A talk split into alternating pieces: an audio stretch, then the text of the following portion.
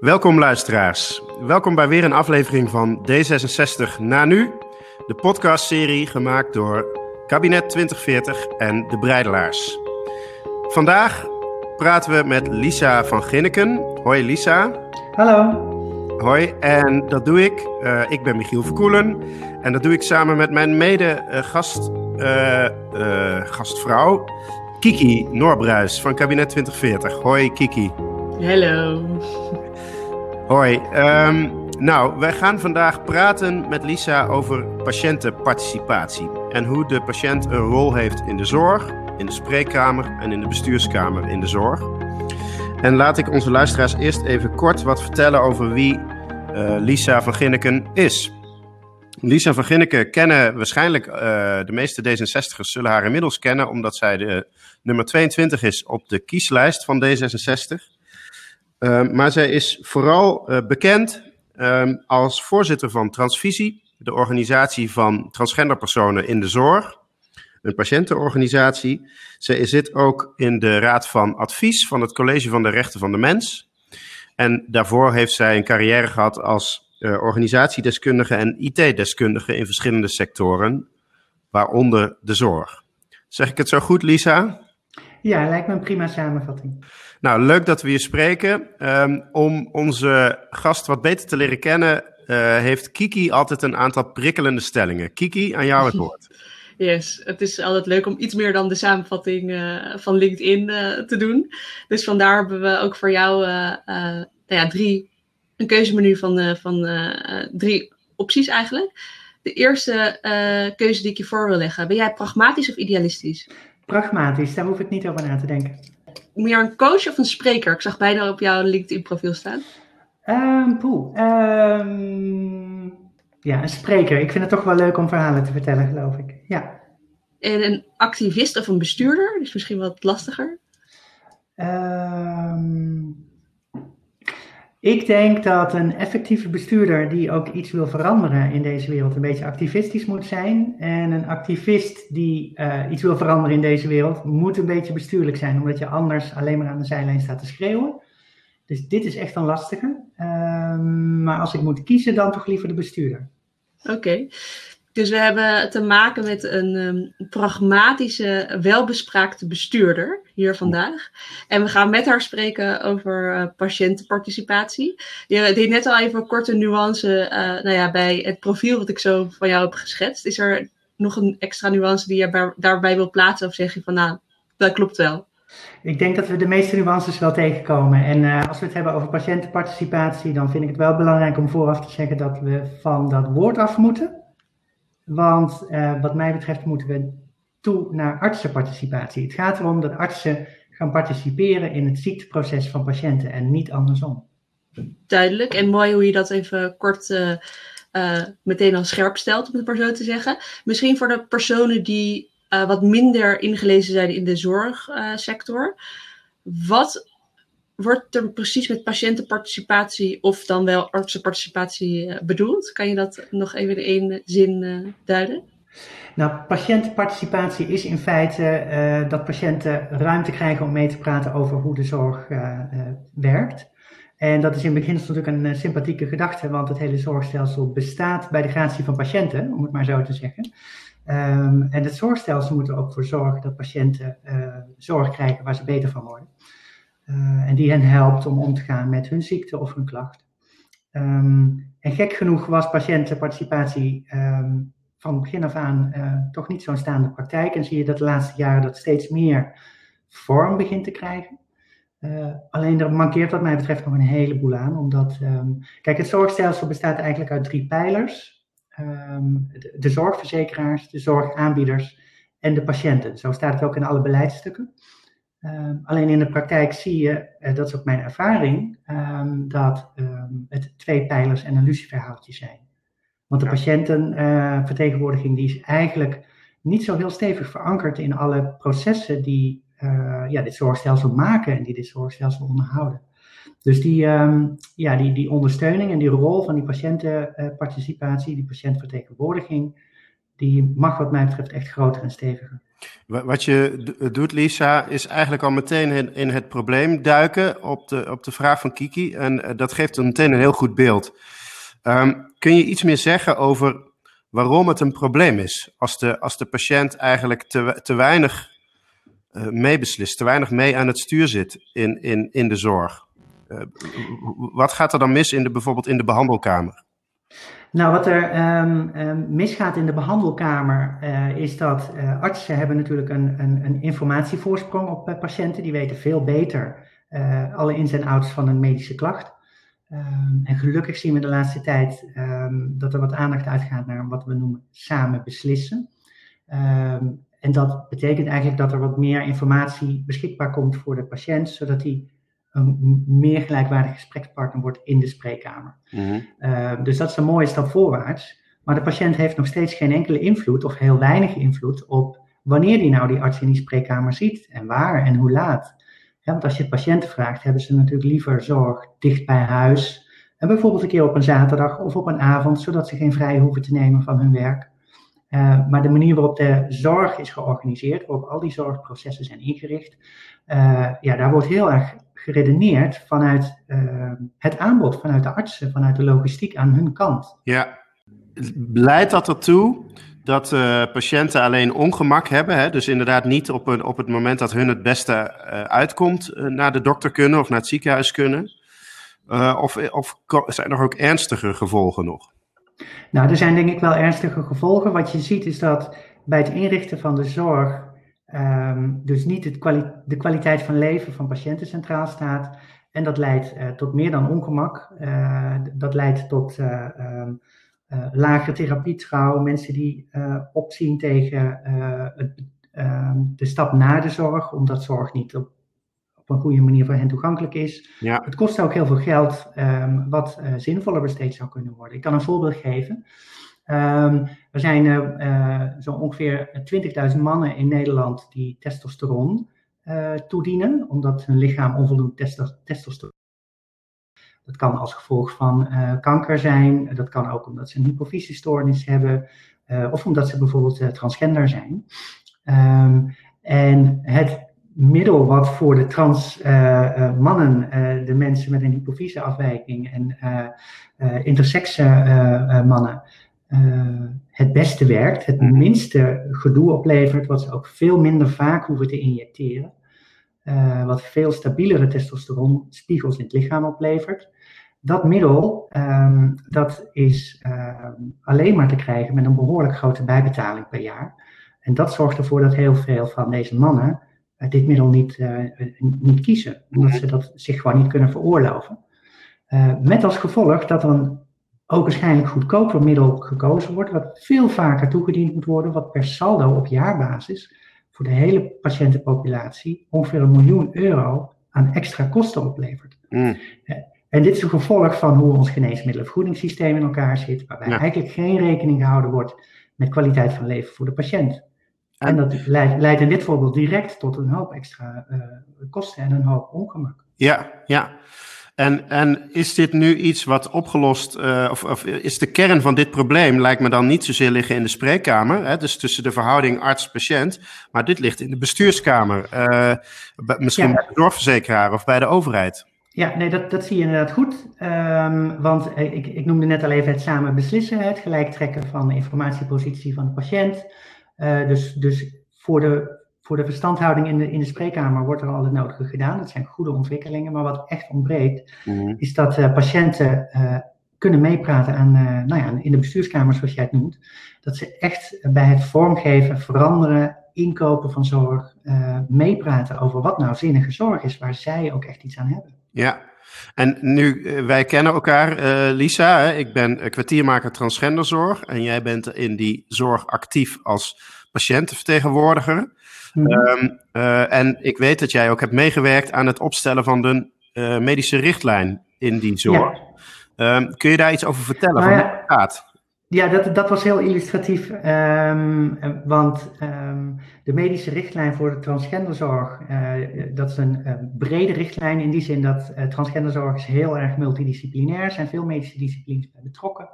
Dus zo'n richtlijn, ja, daar zitten dan vanzelf uh, negen vertegenwoordigers van medische beroepsorganisaties aan tafel. Ja. Die voor hun vak hun expertise inbrengen om zo te komen tot ja, een definitie van wat ze goede zorg vinden. Uh, aan de andere kant van de tafel, soms letterlijk, maar zeker figuurlijk, ja. zat ik dan in mijn eentje als patiëntvertegenwoordiger. met de opdracht om al die negen medische domeinen af te dekken. Een heel ongebalanceerde machtsverhouding. Zeker ook nog omdat in dit geval acht van de negen medici in dit gesprek ook nog allemaal van één zorgaanbieder afkomstig waren. Dus een hele scheve machtsverhouding. Ja. En dan is dit nog een voorbeeld waarbij patiënten meepraten over zo'n standaard. Dus dat ja, want is dat, eigenlijk. Want het is eigenlijk al een uitzondering, hè, dat je überhaupt mee mocht doen. Um, nou ja, of, officieel uh, vinden we met elkaar dat patiënten aan uh, zo'n uh, richtlijn moeten meepraten, maar in de praktijk is het dan vaak lastig voor patiëntenorganisaties om dat ook te doen, want het vraagt veel tijd, het vraagt veel kennis om ook echt goed ehm, bij de tijd te zijn ten aanzien van de, de wetenschappelijke on ontwikkelingen, onderzoeken, dat soort ja, zaken. Ja. En het vraagt ook gewoon een, een vaardigheid in onderhandelen die zeker bij de wat kleinere patiëntengroepen, uh, ja, niet vanzelfsprekend ook aanwezig is bij de patiëntvertegenwoordiger. En um, hier moet dus iets veranderen in de mindset van de mensen aan die tafel. Hè? Dus, dus, dat is dokters, maar misschien ook bestuurders in de zorg, van zorgverzekeraars. Maar um, zit er ook iets in de, in de organisatiekracht? Hè? Jij bent voorzitter van een, van een patiëntenorganisatie, daar zijn er een Mhm. van in Nederland. Hebben die genoeg geld? Hebben die genoeg middelen, menskracht om, om uh, hun stem te laten horen? Nou ja, het is, het is heel kwetsbaar hoe het nu is ge, uh, georganiseerd in ons land. Want we hebben ongeveer um, 280, 290 patiëntenorganisaties in ons land. Um, daar zitten natuurlijk hele grote bij. Uh, voor diabetes, voor kanker. Nou ja, de, Mm. de, de, de bekende die kunnen we allemaal wel opnoemen. Dat zijn grote organisaties met uh, professionals in dienst die ervoor doorgeleerd hebben, zal ik maar zeggen. Maar de wat kleinere patiëntengroepen, daar zijn die, uh, is die patiëntenvertegenwoordiging ja, vrijwel zonder uitzondering. Die wordt gedaan door vrijwilligers. Ja. Die het naast hun normale werk erbij doen. super gemotiveerd, super betrokken. Maar niet altijd de slagkracht en ook de expertise om het goed in te kunnen vullen. En dat maakt het ook heel kwetsbaar. Maakt het erg afhankelijk van, ja, van individuele personen. En um, ja, als je patiëntenvertegenwoordiging serieus neemt, dan moet je die organisaties ook beter faciliteren. Ja. He, dat kan bijvoorbeeld door de, de koepelorganisaties die er zijn een bredere taakstelling te geven, zodat ze veel meer uh, ondersteuning kunnen gaan bieden aan de patiëntenorganisaties. Denk bijvoorbeeld aan uh, wat ik dan altijd noem het corvée, het organiseren en het goed draaiend houden van zo'n patiëntenvereniging. Ja. Uh, maar ze kunnen bijvoorbeeld ook de toegankelijkheid van uh, wetenschappelijke kennis uh, centraal regelen en aanbieden. Um, dus we, kunnen, we zouden veel meer samen kunnen optrekken in de lobby. Um, dus en het zijn ook, dus de, de, de patiëntenvertegenwoordiging is ook zelf aan zet om hun stem te, te verstevigen. Dat, dat denk ik zeker, maar wat zou helpen is uh, als er ook gewoon in termen van uh, uh, financiële ondersteuning meer ruimte ja. komt voor patiëntenorganisaties. En wat, wat het derde ding wat, wat helpt is als de rol en de positie van patiëntenorganisaties ook beter verankerd wordt in regelgeving, in wetgeving. Ja. want verzekeraars kunnen nu zorg inkopen, ja, naar eigen inzicht zeg ik dan even maar met een knipoog. Ze zijn niet verplicht patiëntenorganisaties te betrekken bij het opstellen van inkoopbeleid. En zeker als je ziet dat uh, uh, nou ja, wat kleinere patiëntengroepen specifiekere behoefte hebben aan, aan zorg. Zeker als je ziet dat de zorgbehoefte ook regionaal verschilt. Dan is het essentieel dat verzekeraars uh, ja, patiëntvertegenwoordigers meenemen. En dan even als, als laatste vraag in dit, dit blokje. Um, ik weet dat jij op dit laatste punt, of eigenlijk op, op de laatste twee punten, de financiering en, de, en het stemgeven aan patiënten, ook een abonnement hebt ingediend op ons nieuwe verkiezingsprogramma. Ja, klopt. Ja, wat, wat, wat, wat mij opviel aan het verkiezing... Die is aangenomen gelukkig, dus dank aan alle ja. leden die daarvoor uh, gestemd hebben. Um, want wat ik miste in ons uh, verkiezingsprogramma is dat we, uh, ja, net zoals dat gebruikelijk is in, het, in, de, in de zorgsector, de mond vol hebben van uh, uh, de patiënt staat centraal. Maar ook wij kwamen, en, en dit geeft aan hoe groot die blinde vlek is, ook wij kwamen in ons uh, conceptprogramma niet verder dan inzetten op een gelijke informatiepositie in de spreekkamer. Terwijl het natuurlijk echt gaat over dat patiënten op voorhand mee kunnen praten. Duidelijk. En ik denk um, wat je net ook al uh, schetste waren ook, want ik hoorde jou zeggen, we zouden moeten. Dus dan kijk je stiekem wel vooruit. En dat is inderdaad waar ik graag met jou uh, over uh, verder wil praten. Ik denk, als ik het even kort mag samenvatten, um, de probleemanalyse die zit heel erg eigenlijk op een stukje ongelijkheid van zowel zeg maar de middelen, maar ook toegang uh, tot bijvoorbeeld uh, de kennis. En uh, wat je aangeeft is eigenlijk dat de agenda van de arts centraler staat dan de, nou ja, de agenda van de patiënt, om het maar zo te zeggen. Ja, ja inderdaad. Ja, en ik vind het opvallend, hè, want Els Borst die zei ooit al een keer dat iedere patiënt koning is. Dus het idee om de patiënten centraal te stellen is helemaal niet nieuw. Maar wat ik vaststel is dat het gewoon ontzettend lastig is om de sector zo te bewegen dat dat we dat ook echt gaan doen. Dus hier is een cultuurverandering voor nodig. En de dingen die ik net aangaf, die, uh, die grijpen in op de structuur natuurlijk. Hè? Als je positie formeel verankert, als je iets met middelen en ondersteuning doet. Um, maar ik denk dat de patiëntenvertegenwoordiging, um, ja, als die een luidere stem krijgen, dan komt die cultuurverandering ook vanzelf wel. Ja, en um, met kabinet 2040 hebben we geprobeerd een aantal toekomstbeelden te schetsen. Niet zeg maar hier op korte termijn, dus niet wat we nu in het verkiezingsprogramma misschien zouden we moeten meenemen, maar juist echt met een stip wat verder weg. Of misschien een streep, hoe je het maar wil zien. Uh, dat, en die streep hebben we gezet bij het jaar 2040. Uh, dus echt 20 jaar vooruit. Um, als ik jou zou mogen uitnodigen, hoe ziet uh, de patiëntenparticipatie of artsenparticipatie er in 2040 uit? Kun je dat um, in, in, in, twee, drie korte zinnen een beeld schetsen? Ik uh, uh, denk dat in 2040, ik hoop dat dan uh, de patiënt echt centraal staat. En dat betekent dat bij alle ontwikkelingen in de zorg um, niet alleen de patiënt meepraat, maar echt het vertrekpunt is, wat levert dit op voor patiënten in termen van uh, gezonde, ziekte, uh, uh, gezonde jaren, gezonde levensjaren, maar ook in termen van in hoeverre ze kunnen omgaan met hun chronische klacht of ziekte, in hoeverre ze maatschappelijk kunnen participeren, ondanks een chronische klacht of ziekte. Dat zouden wat mij betreft de indicatoren moeten zijn waar het hele zorgstelsel op gebaseerd moet zijn. Dus echt de kwaliteit van leven van patiënten.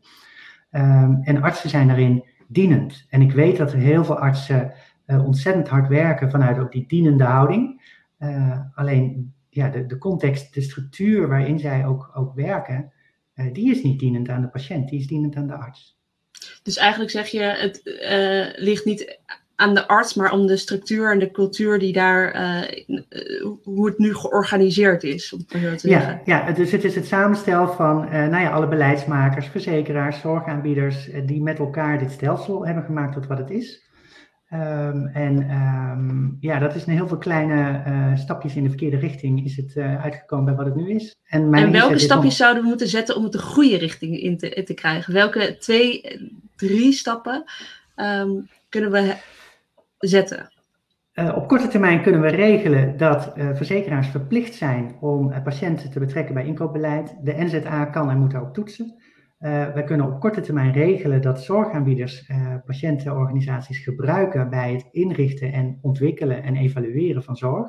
En ook dat kunnen we regelen in de WKKGZ of uh, de, de, de wet toelating zorginstellingen. daar kan het, de, de IGJ, de gezondheidsinspectie, kan daar, gezondheidszorginspectie kan daar ook toetsen. Um, en ik denk dat wij de taakstelling en de financiering van patiëntenkoepels en patiëntenorganisaties moeten verruimen duidelijk. En um, je noemde inderdaad net al even de arts en de spreekkamer, want eigenlijk zeg je vandaar um, is dat samen beslissen dat, dat, dat die verandering of die cultuurverandering is wel langzaam gaande. Het is nog wel zo dat die agenda van de arts misschien wat uh, te bepalend is in plaats van uh, de agenda van uh, de patiënt, om het maar zo te zeggen. Maar de grote winst die te behalen is, is eigenlijk die in de bestuurskamer. Ja, dat denk ik wel. Kijk, um, de, de beleidsstukken nu die staan weer heel erg vol van uh, termen als zinnige zorg, wat ontzettend belangrijk is om de kosten voor de zorg uh, ook te beteugelen. Uh, maar het, het, essentiële criterium voor of zorg zinnig is, um, moet vooral zijn of de patiënt er wat aan heeft. Ja. En ik gaf, ik gaf eerder het voorbeeld over testosteron. Daar zie je dat de zinnige zorgvariant ook nog goedkoper is. Dus de angst dat als je patiënten meer laat meepraten, dat ze uh, ontzettend gaan overvragen en de zorgkosten gaan exploderen. Die angst is denk ik onterecht. Ehm, kijk, als, als patiënten alles in hun eentje zouden mogen beslissen, zou je dat risico misschien lopen. Maar als we toekomen naar een situatie waarin het zorgstelsel ook echt drie gelijkwaardige pijlers heeft, dan hebben verzekeraars en aanbieders ook nog steeds een stem in het geheel. En dan kunnen we elkaar goed in het midden vinden, denk ik. Ja, betekent dat dan ook dat in 2040 dat er misschien wel minder zorg is? Of, uh, hè, dus als je die, dat droombeeld even naar voren haalt, of dat we minder lang in de spreekkamer zitten en, en meer vanuit huis doen? Of uh, hoe, zie je, dat, hoe zie je dat? dat, dat ja, dat verwacht ik wel. Ik verwacht dat de zorg er dan anders uitziet. Uh, ik denk dat er dan ook een groter beroep gedaan wordt op allerlei dingen die het welzijn van patiënten kunnen verbeteren. en patiënten hebben niet per se meteen dure academische zorg nodig als ze een klacht hebben. Um, maar ja, het zorgstelsel is wel heel erg rondom de specialismen georganiseerd, rondom de medische specialismen. Um, dus ik denk dat er veel meer zorg naar de eerste lijn gaat. Dus ik ben ook blij dat in ons programma staat dat eh, de, de patiëntennorm per huis, voor een huisartsenpraktijk dat die naar beneden moet. Hè, minder patiënten per huisarts, zodat er ook meer tijd is. en ik hoop dat dan ook in 2040 de huisartsenpraktijken bredere zorgcentra zijn, waar je heel veel zorg kunt krijgen, de dicht bij huis, laagdrempelig en volgens mij ook goedkoop. En dan zul je ook zien dat er veel meer samenhang ontstaat tussen al die verschillende zorgdisciplines en welzijnsdisciplines. En zie je ook, want je ziet nu door corona natuurlijk dat heel veel zorg eigenlijk ook, uh, uh, of spreekuren inderdaad digitaal geleverd worden. Mhm. Zie je ook dat dat iets blijvends is? Ja, dat denk ik wel. kijk, in het onderwijs praten we al heel lang over blended learning. Dat is leren via het glas en via de klas, om het maar zo te zeggen. Ik verwacht dat dat in, in de zorg ook zo zal zijn. Dat we na corona op heel veel manieren digitale zorg en digitale consulten zullen gaan gebruiken. Ik denk dat dat goed is. Wat ik wel grappig vind, is dat heel vaak daarover gesproken wordt alsof dat zorgkosten zou besparen. dat zie ik nog niet direct. Want of die arts nou een kwartiertje met je via Zoom praat of een kwartiertje met je in de spreekkamer praat, dat kost die arts nog steeds een kwartier. Maar waar de winst zit, is dat patiënten niet meer hoeven te reizen. En dat zorg ook op andere momenten, zonder dat het tot extra gedoe leidt, ook op andere momenten beschikbaar kan zijn. Zoals bijvoorbeeld in, het, in de avonduren. Dus de digitalisering heeft, levert eigenlijk een, een bijdrage aan een gelijkwaardigere rol in de spreekkamer. Absoluut, ja.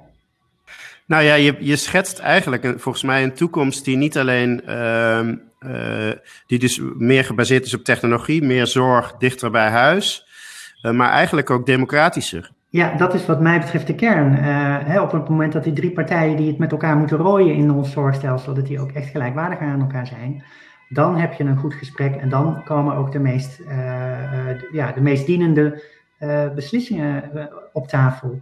En dat je dat met digitale ontwikkelingen kunt ondersteunen, is wat mij betreft secundair. Dat is een ontwikkeling die is er, die zal doorgaan en die moeten we vooral ook benutten. Maar het gaat erom dat patiënten van begin af aan serieus genomen worden en dat begint al bij het nadenken over hoe zorg ingericht en ingekocht moet worden.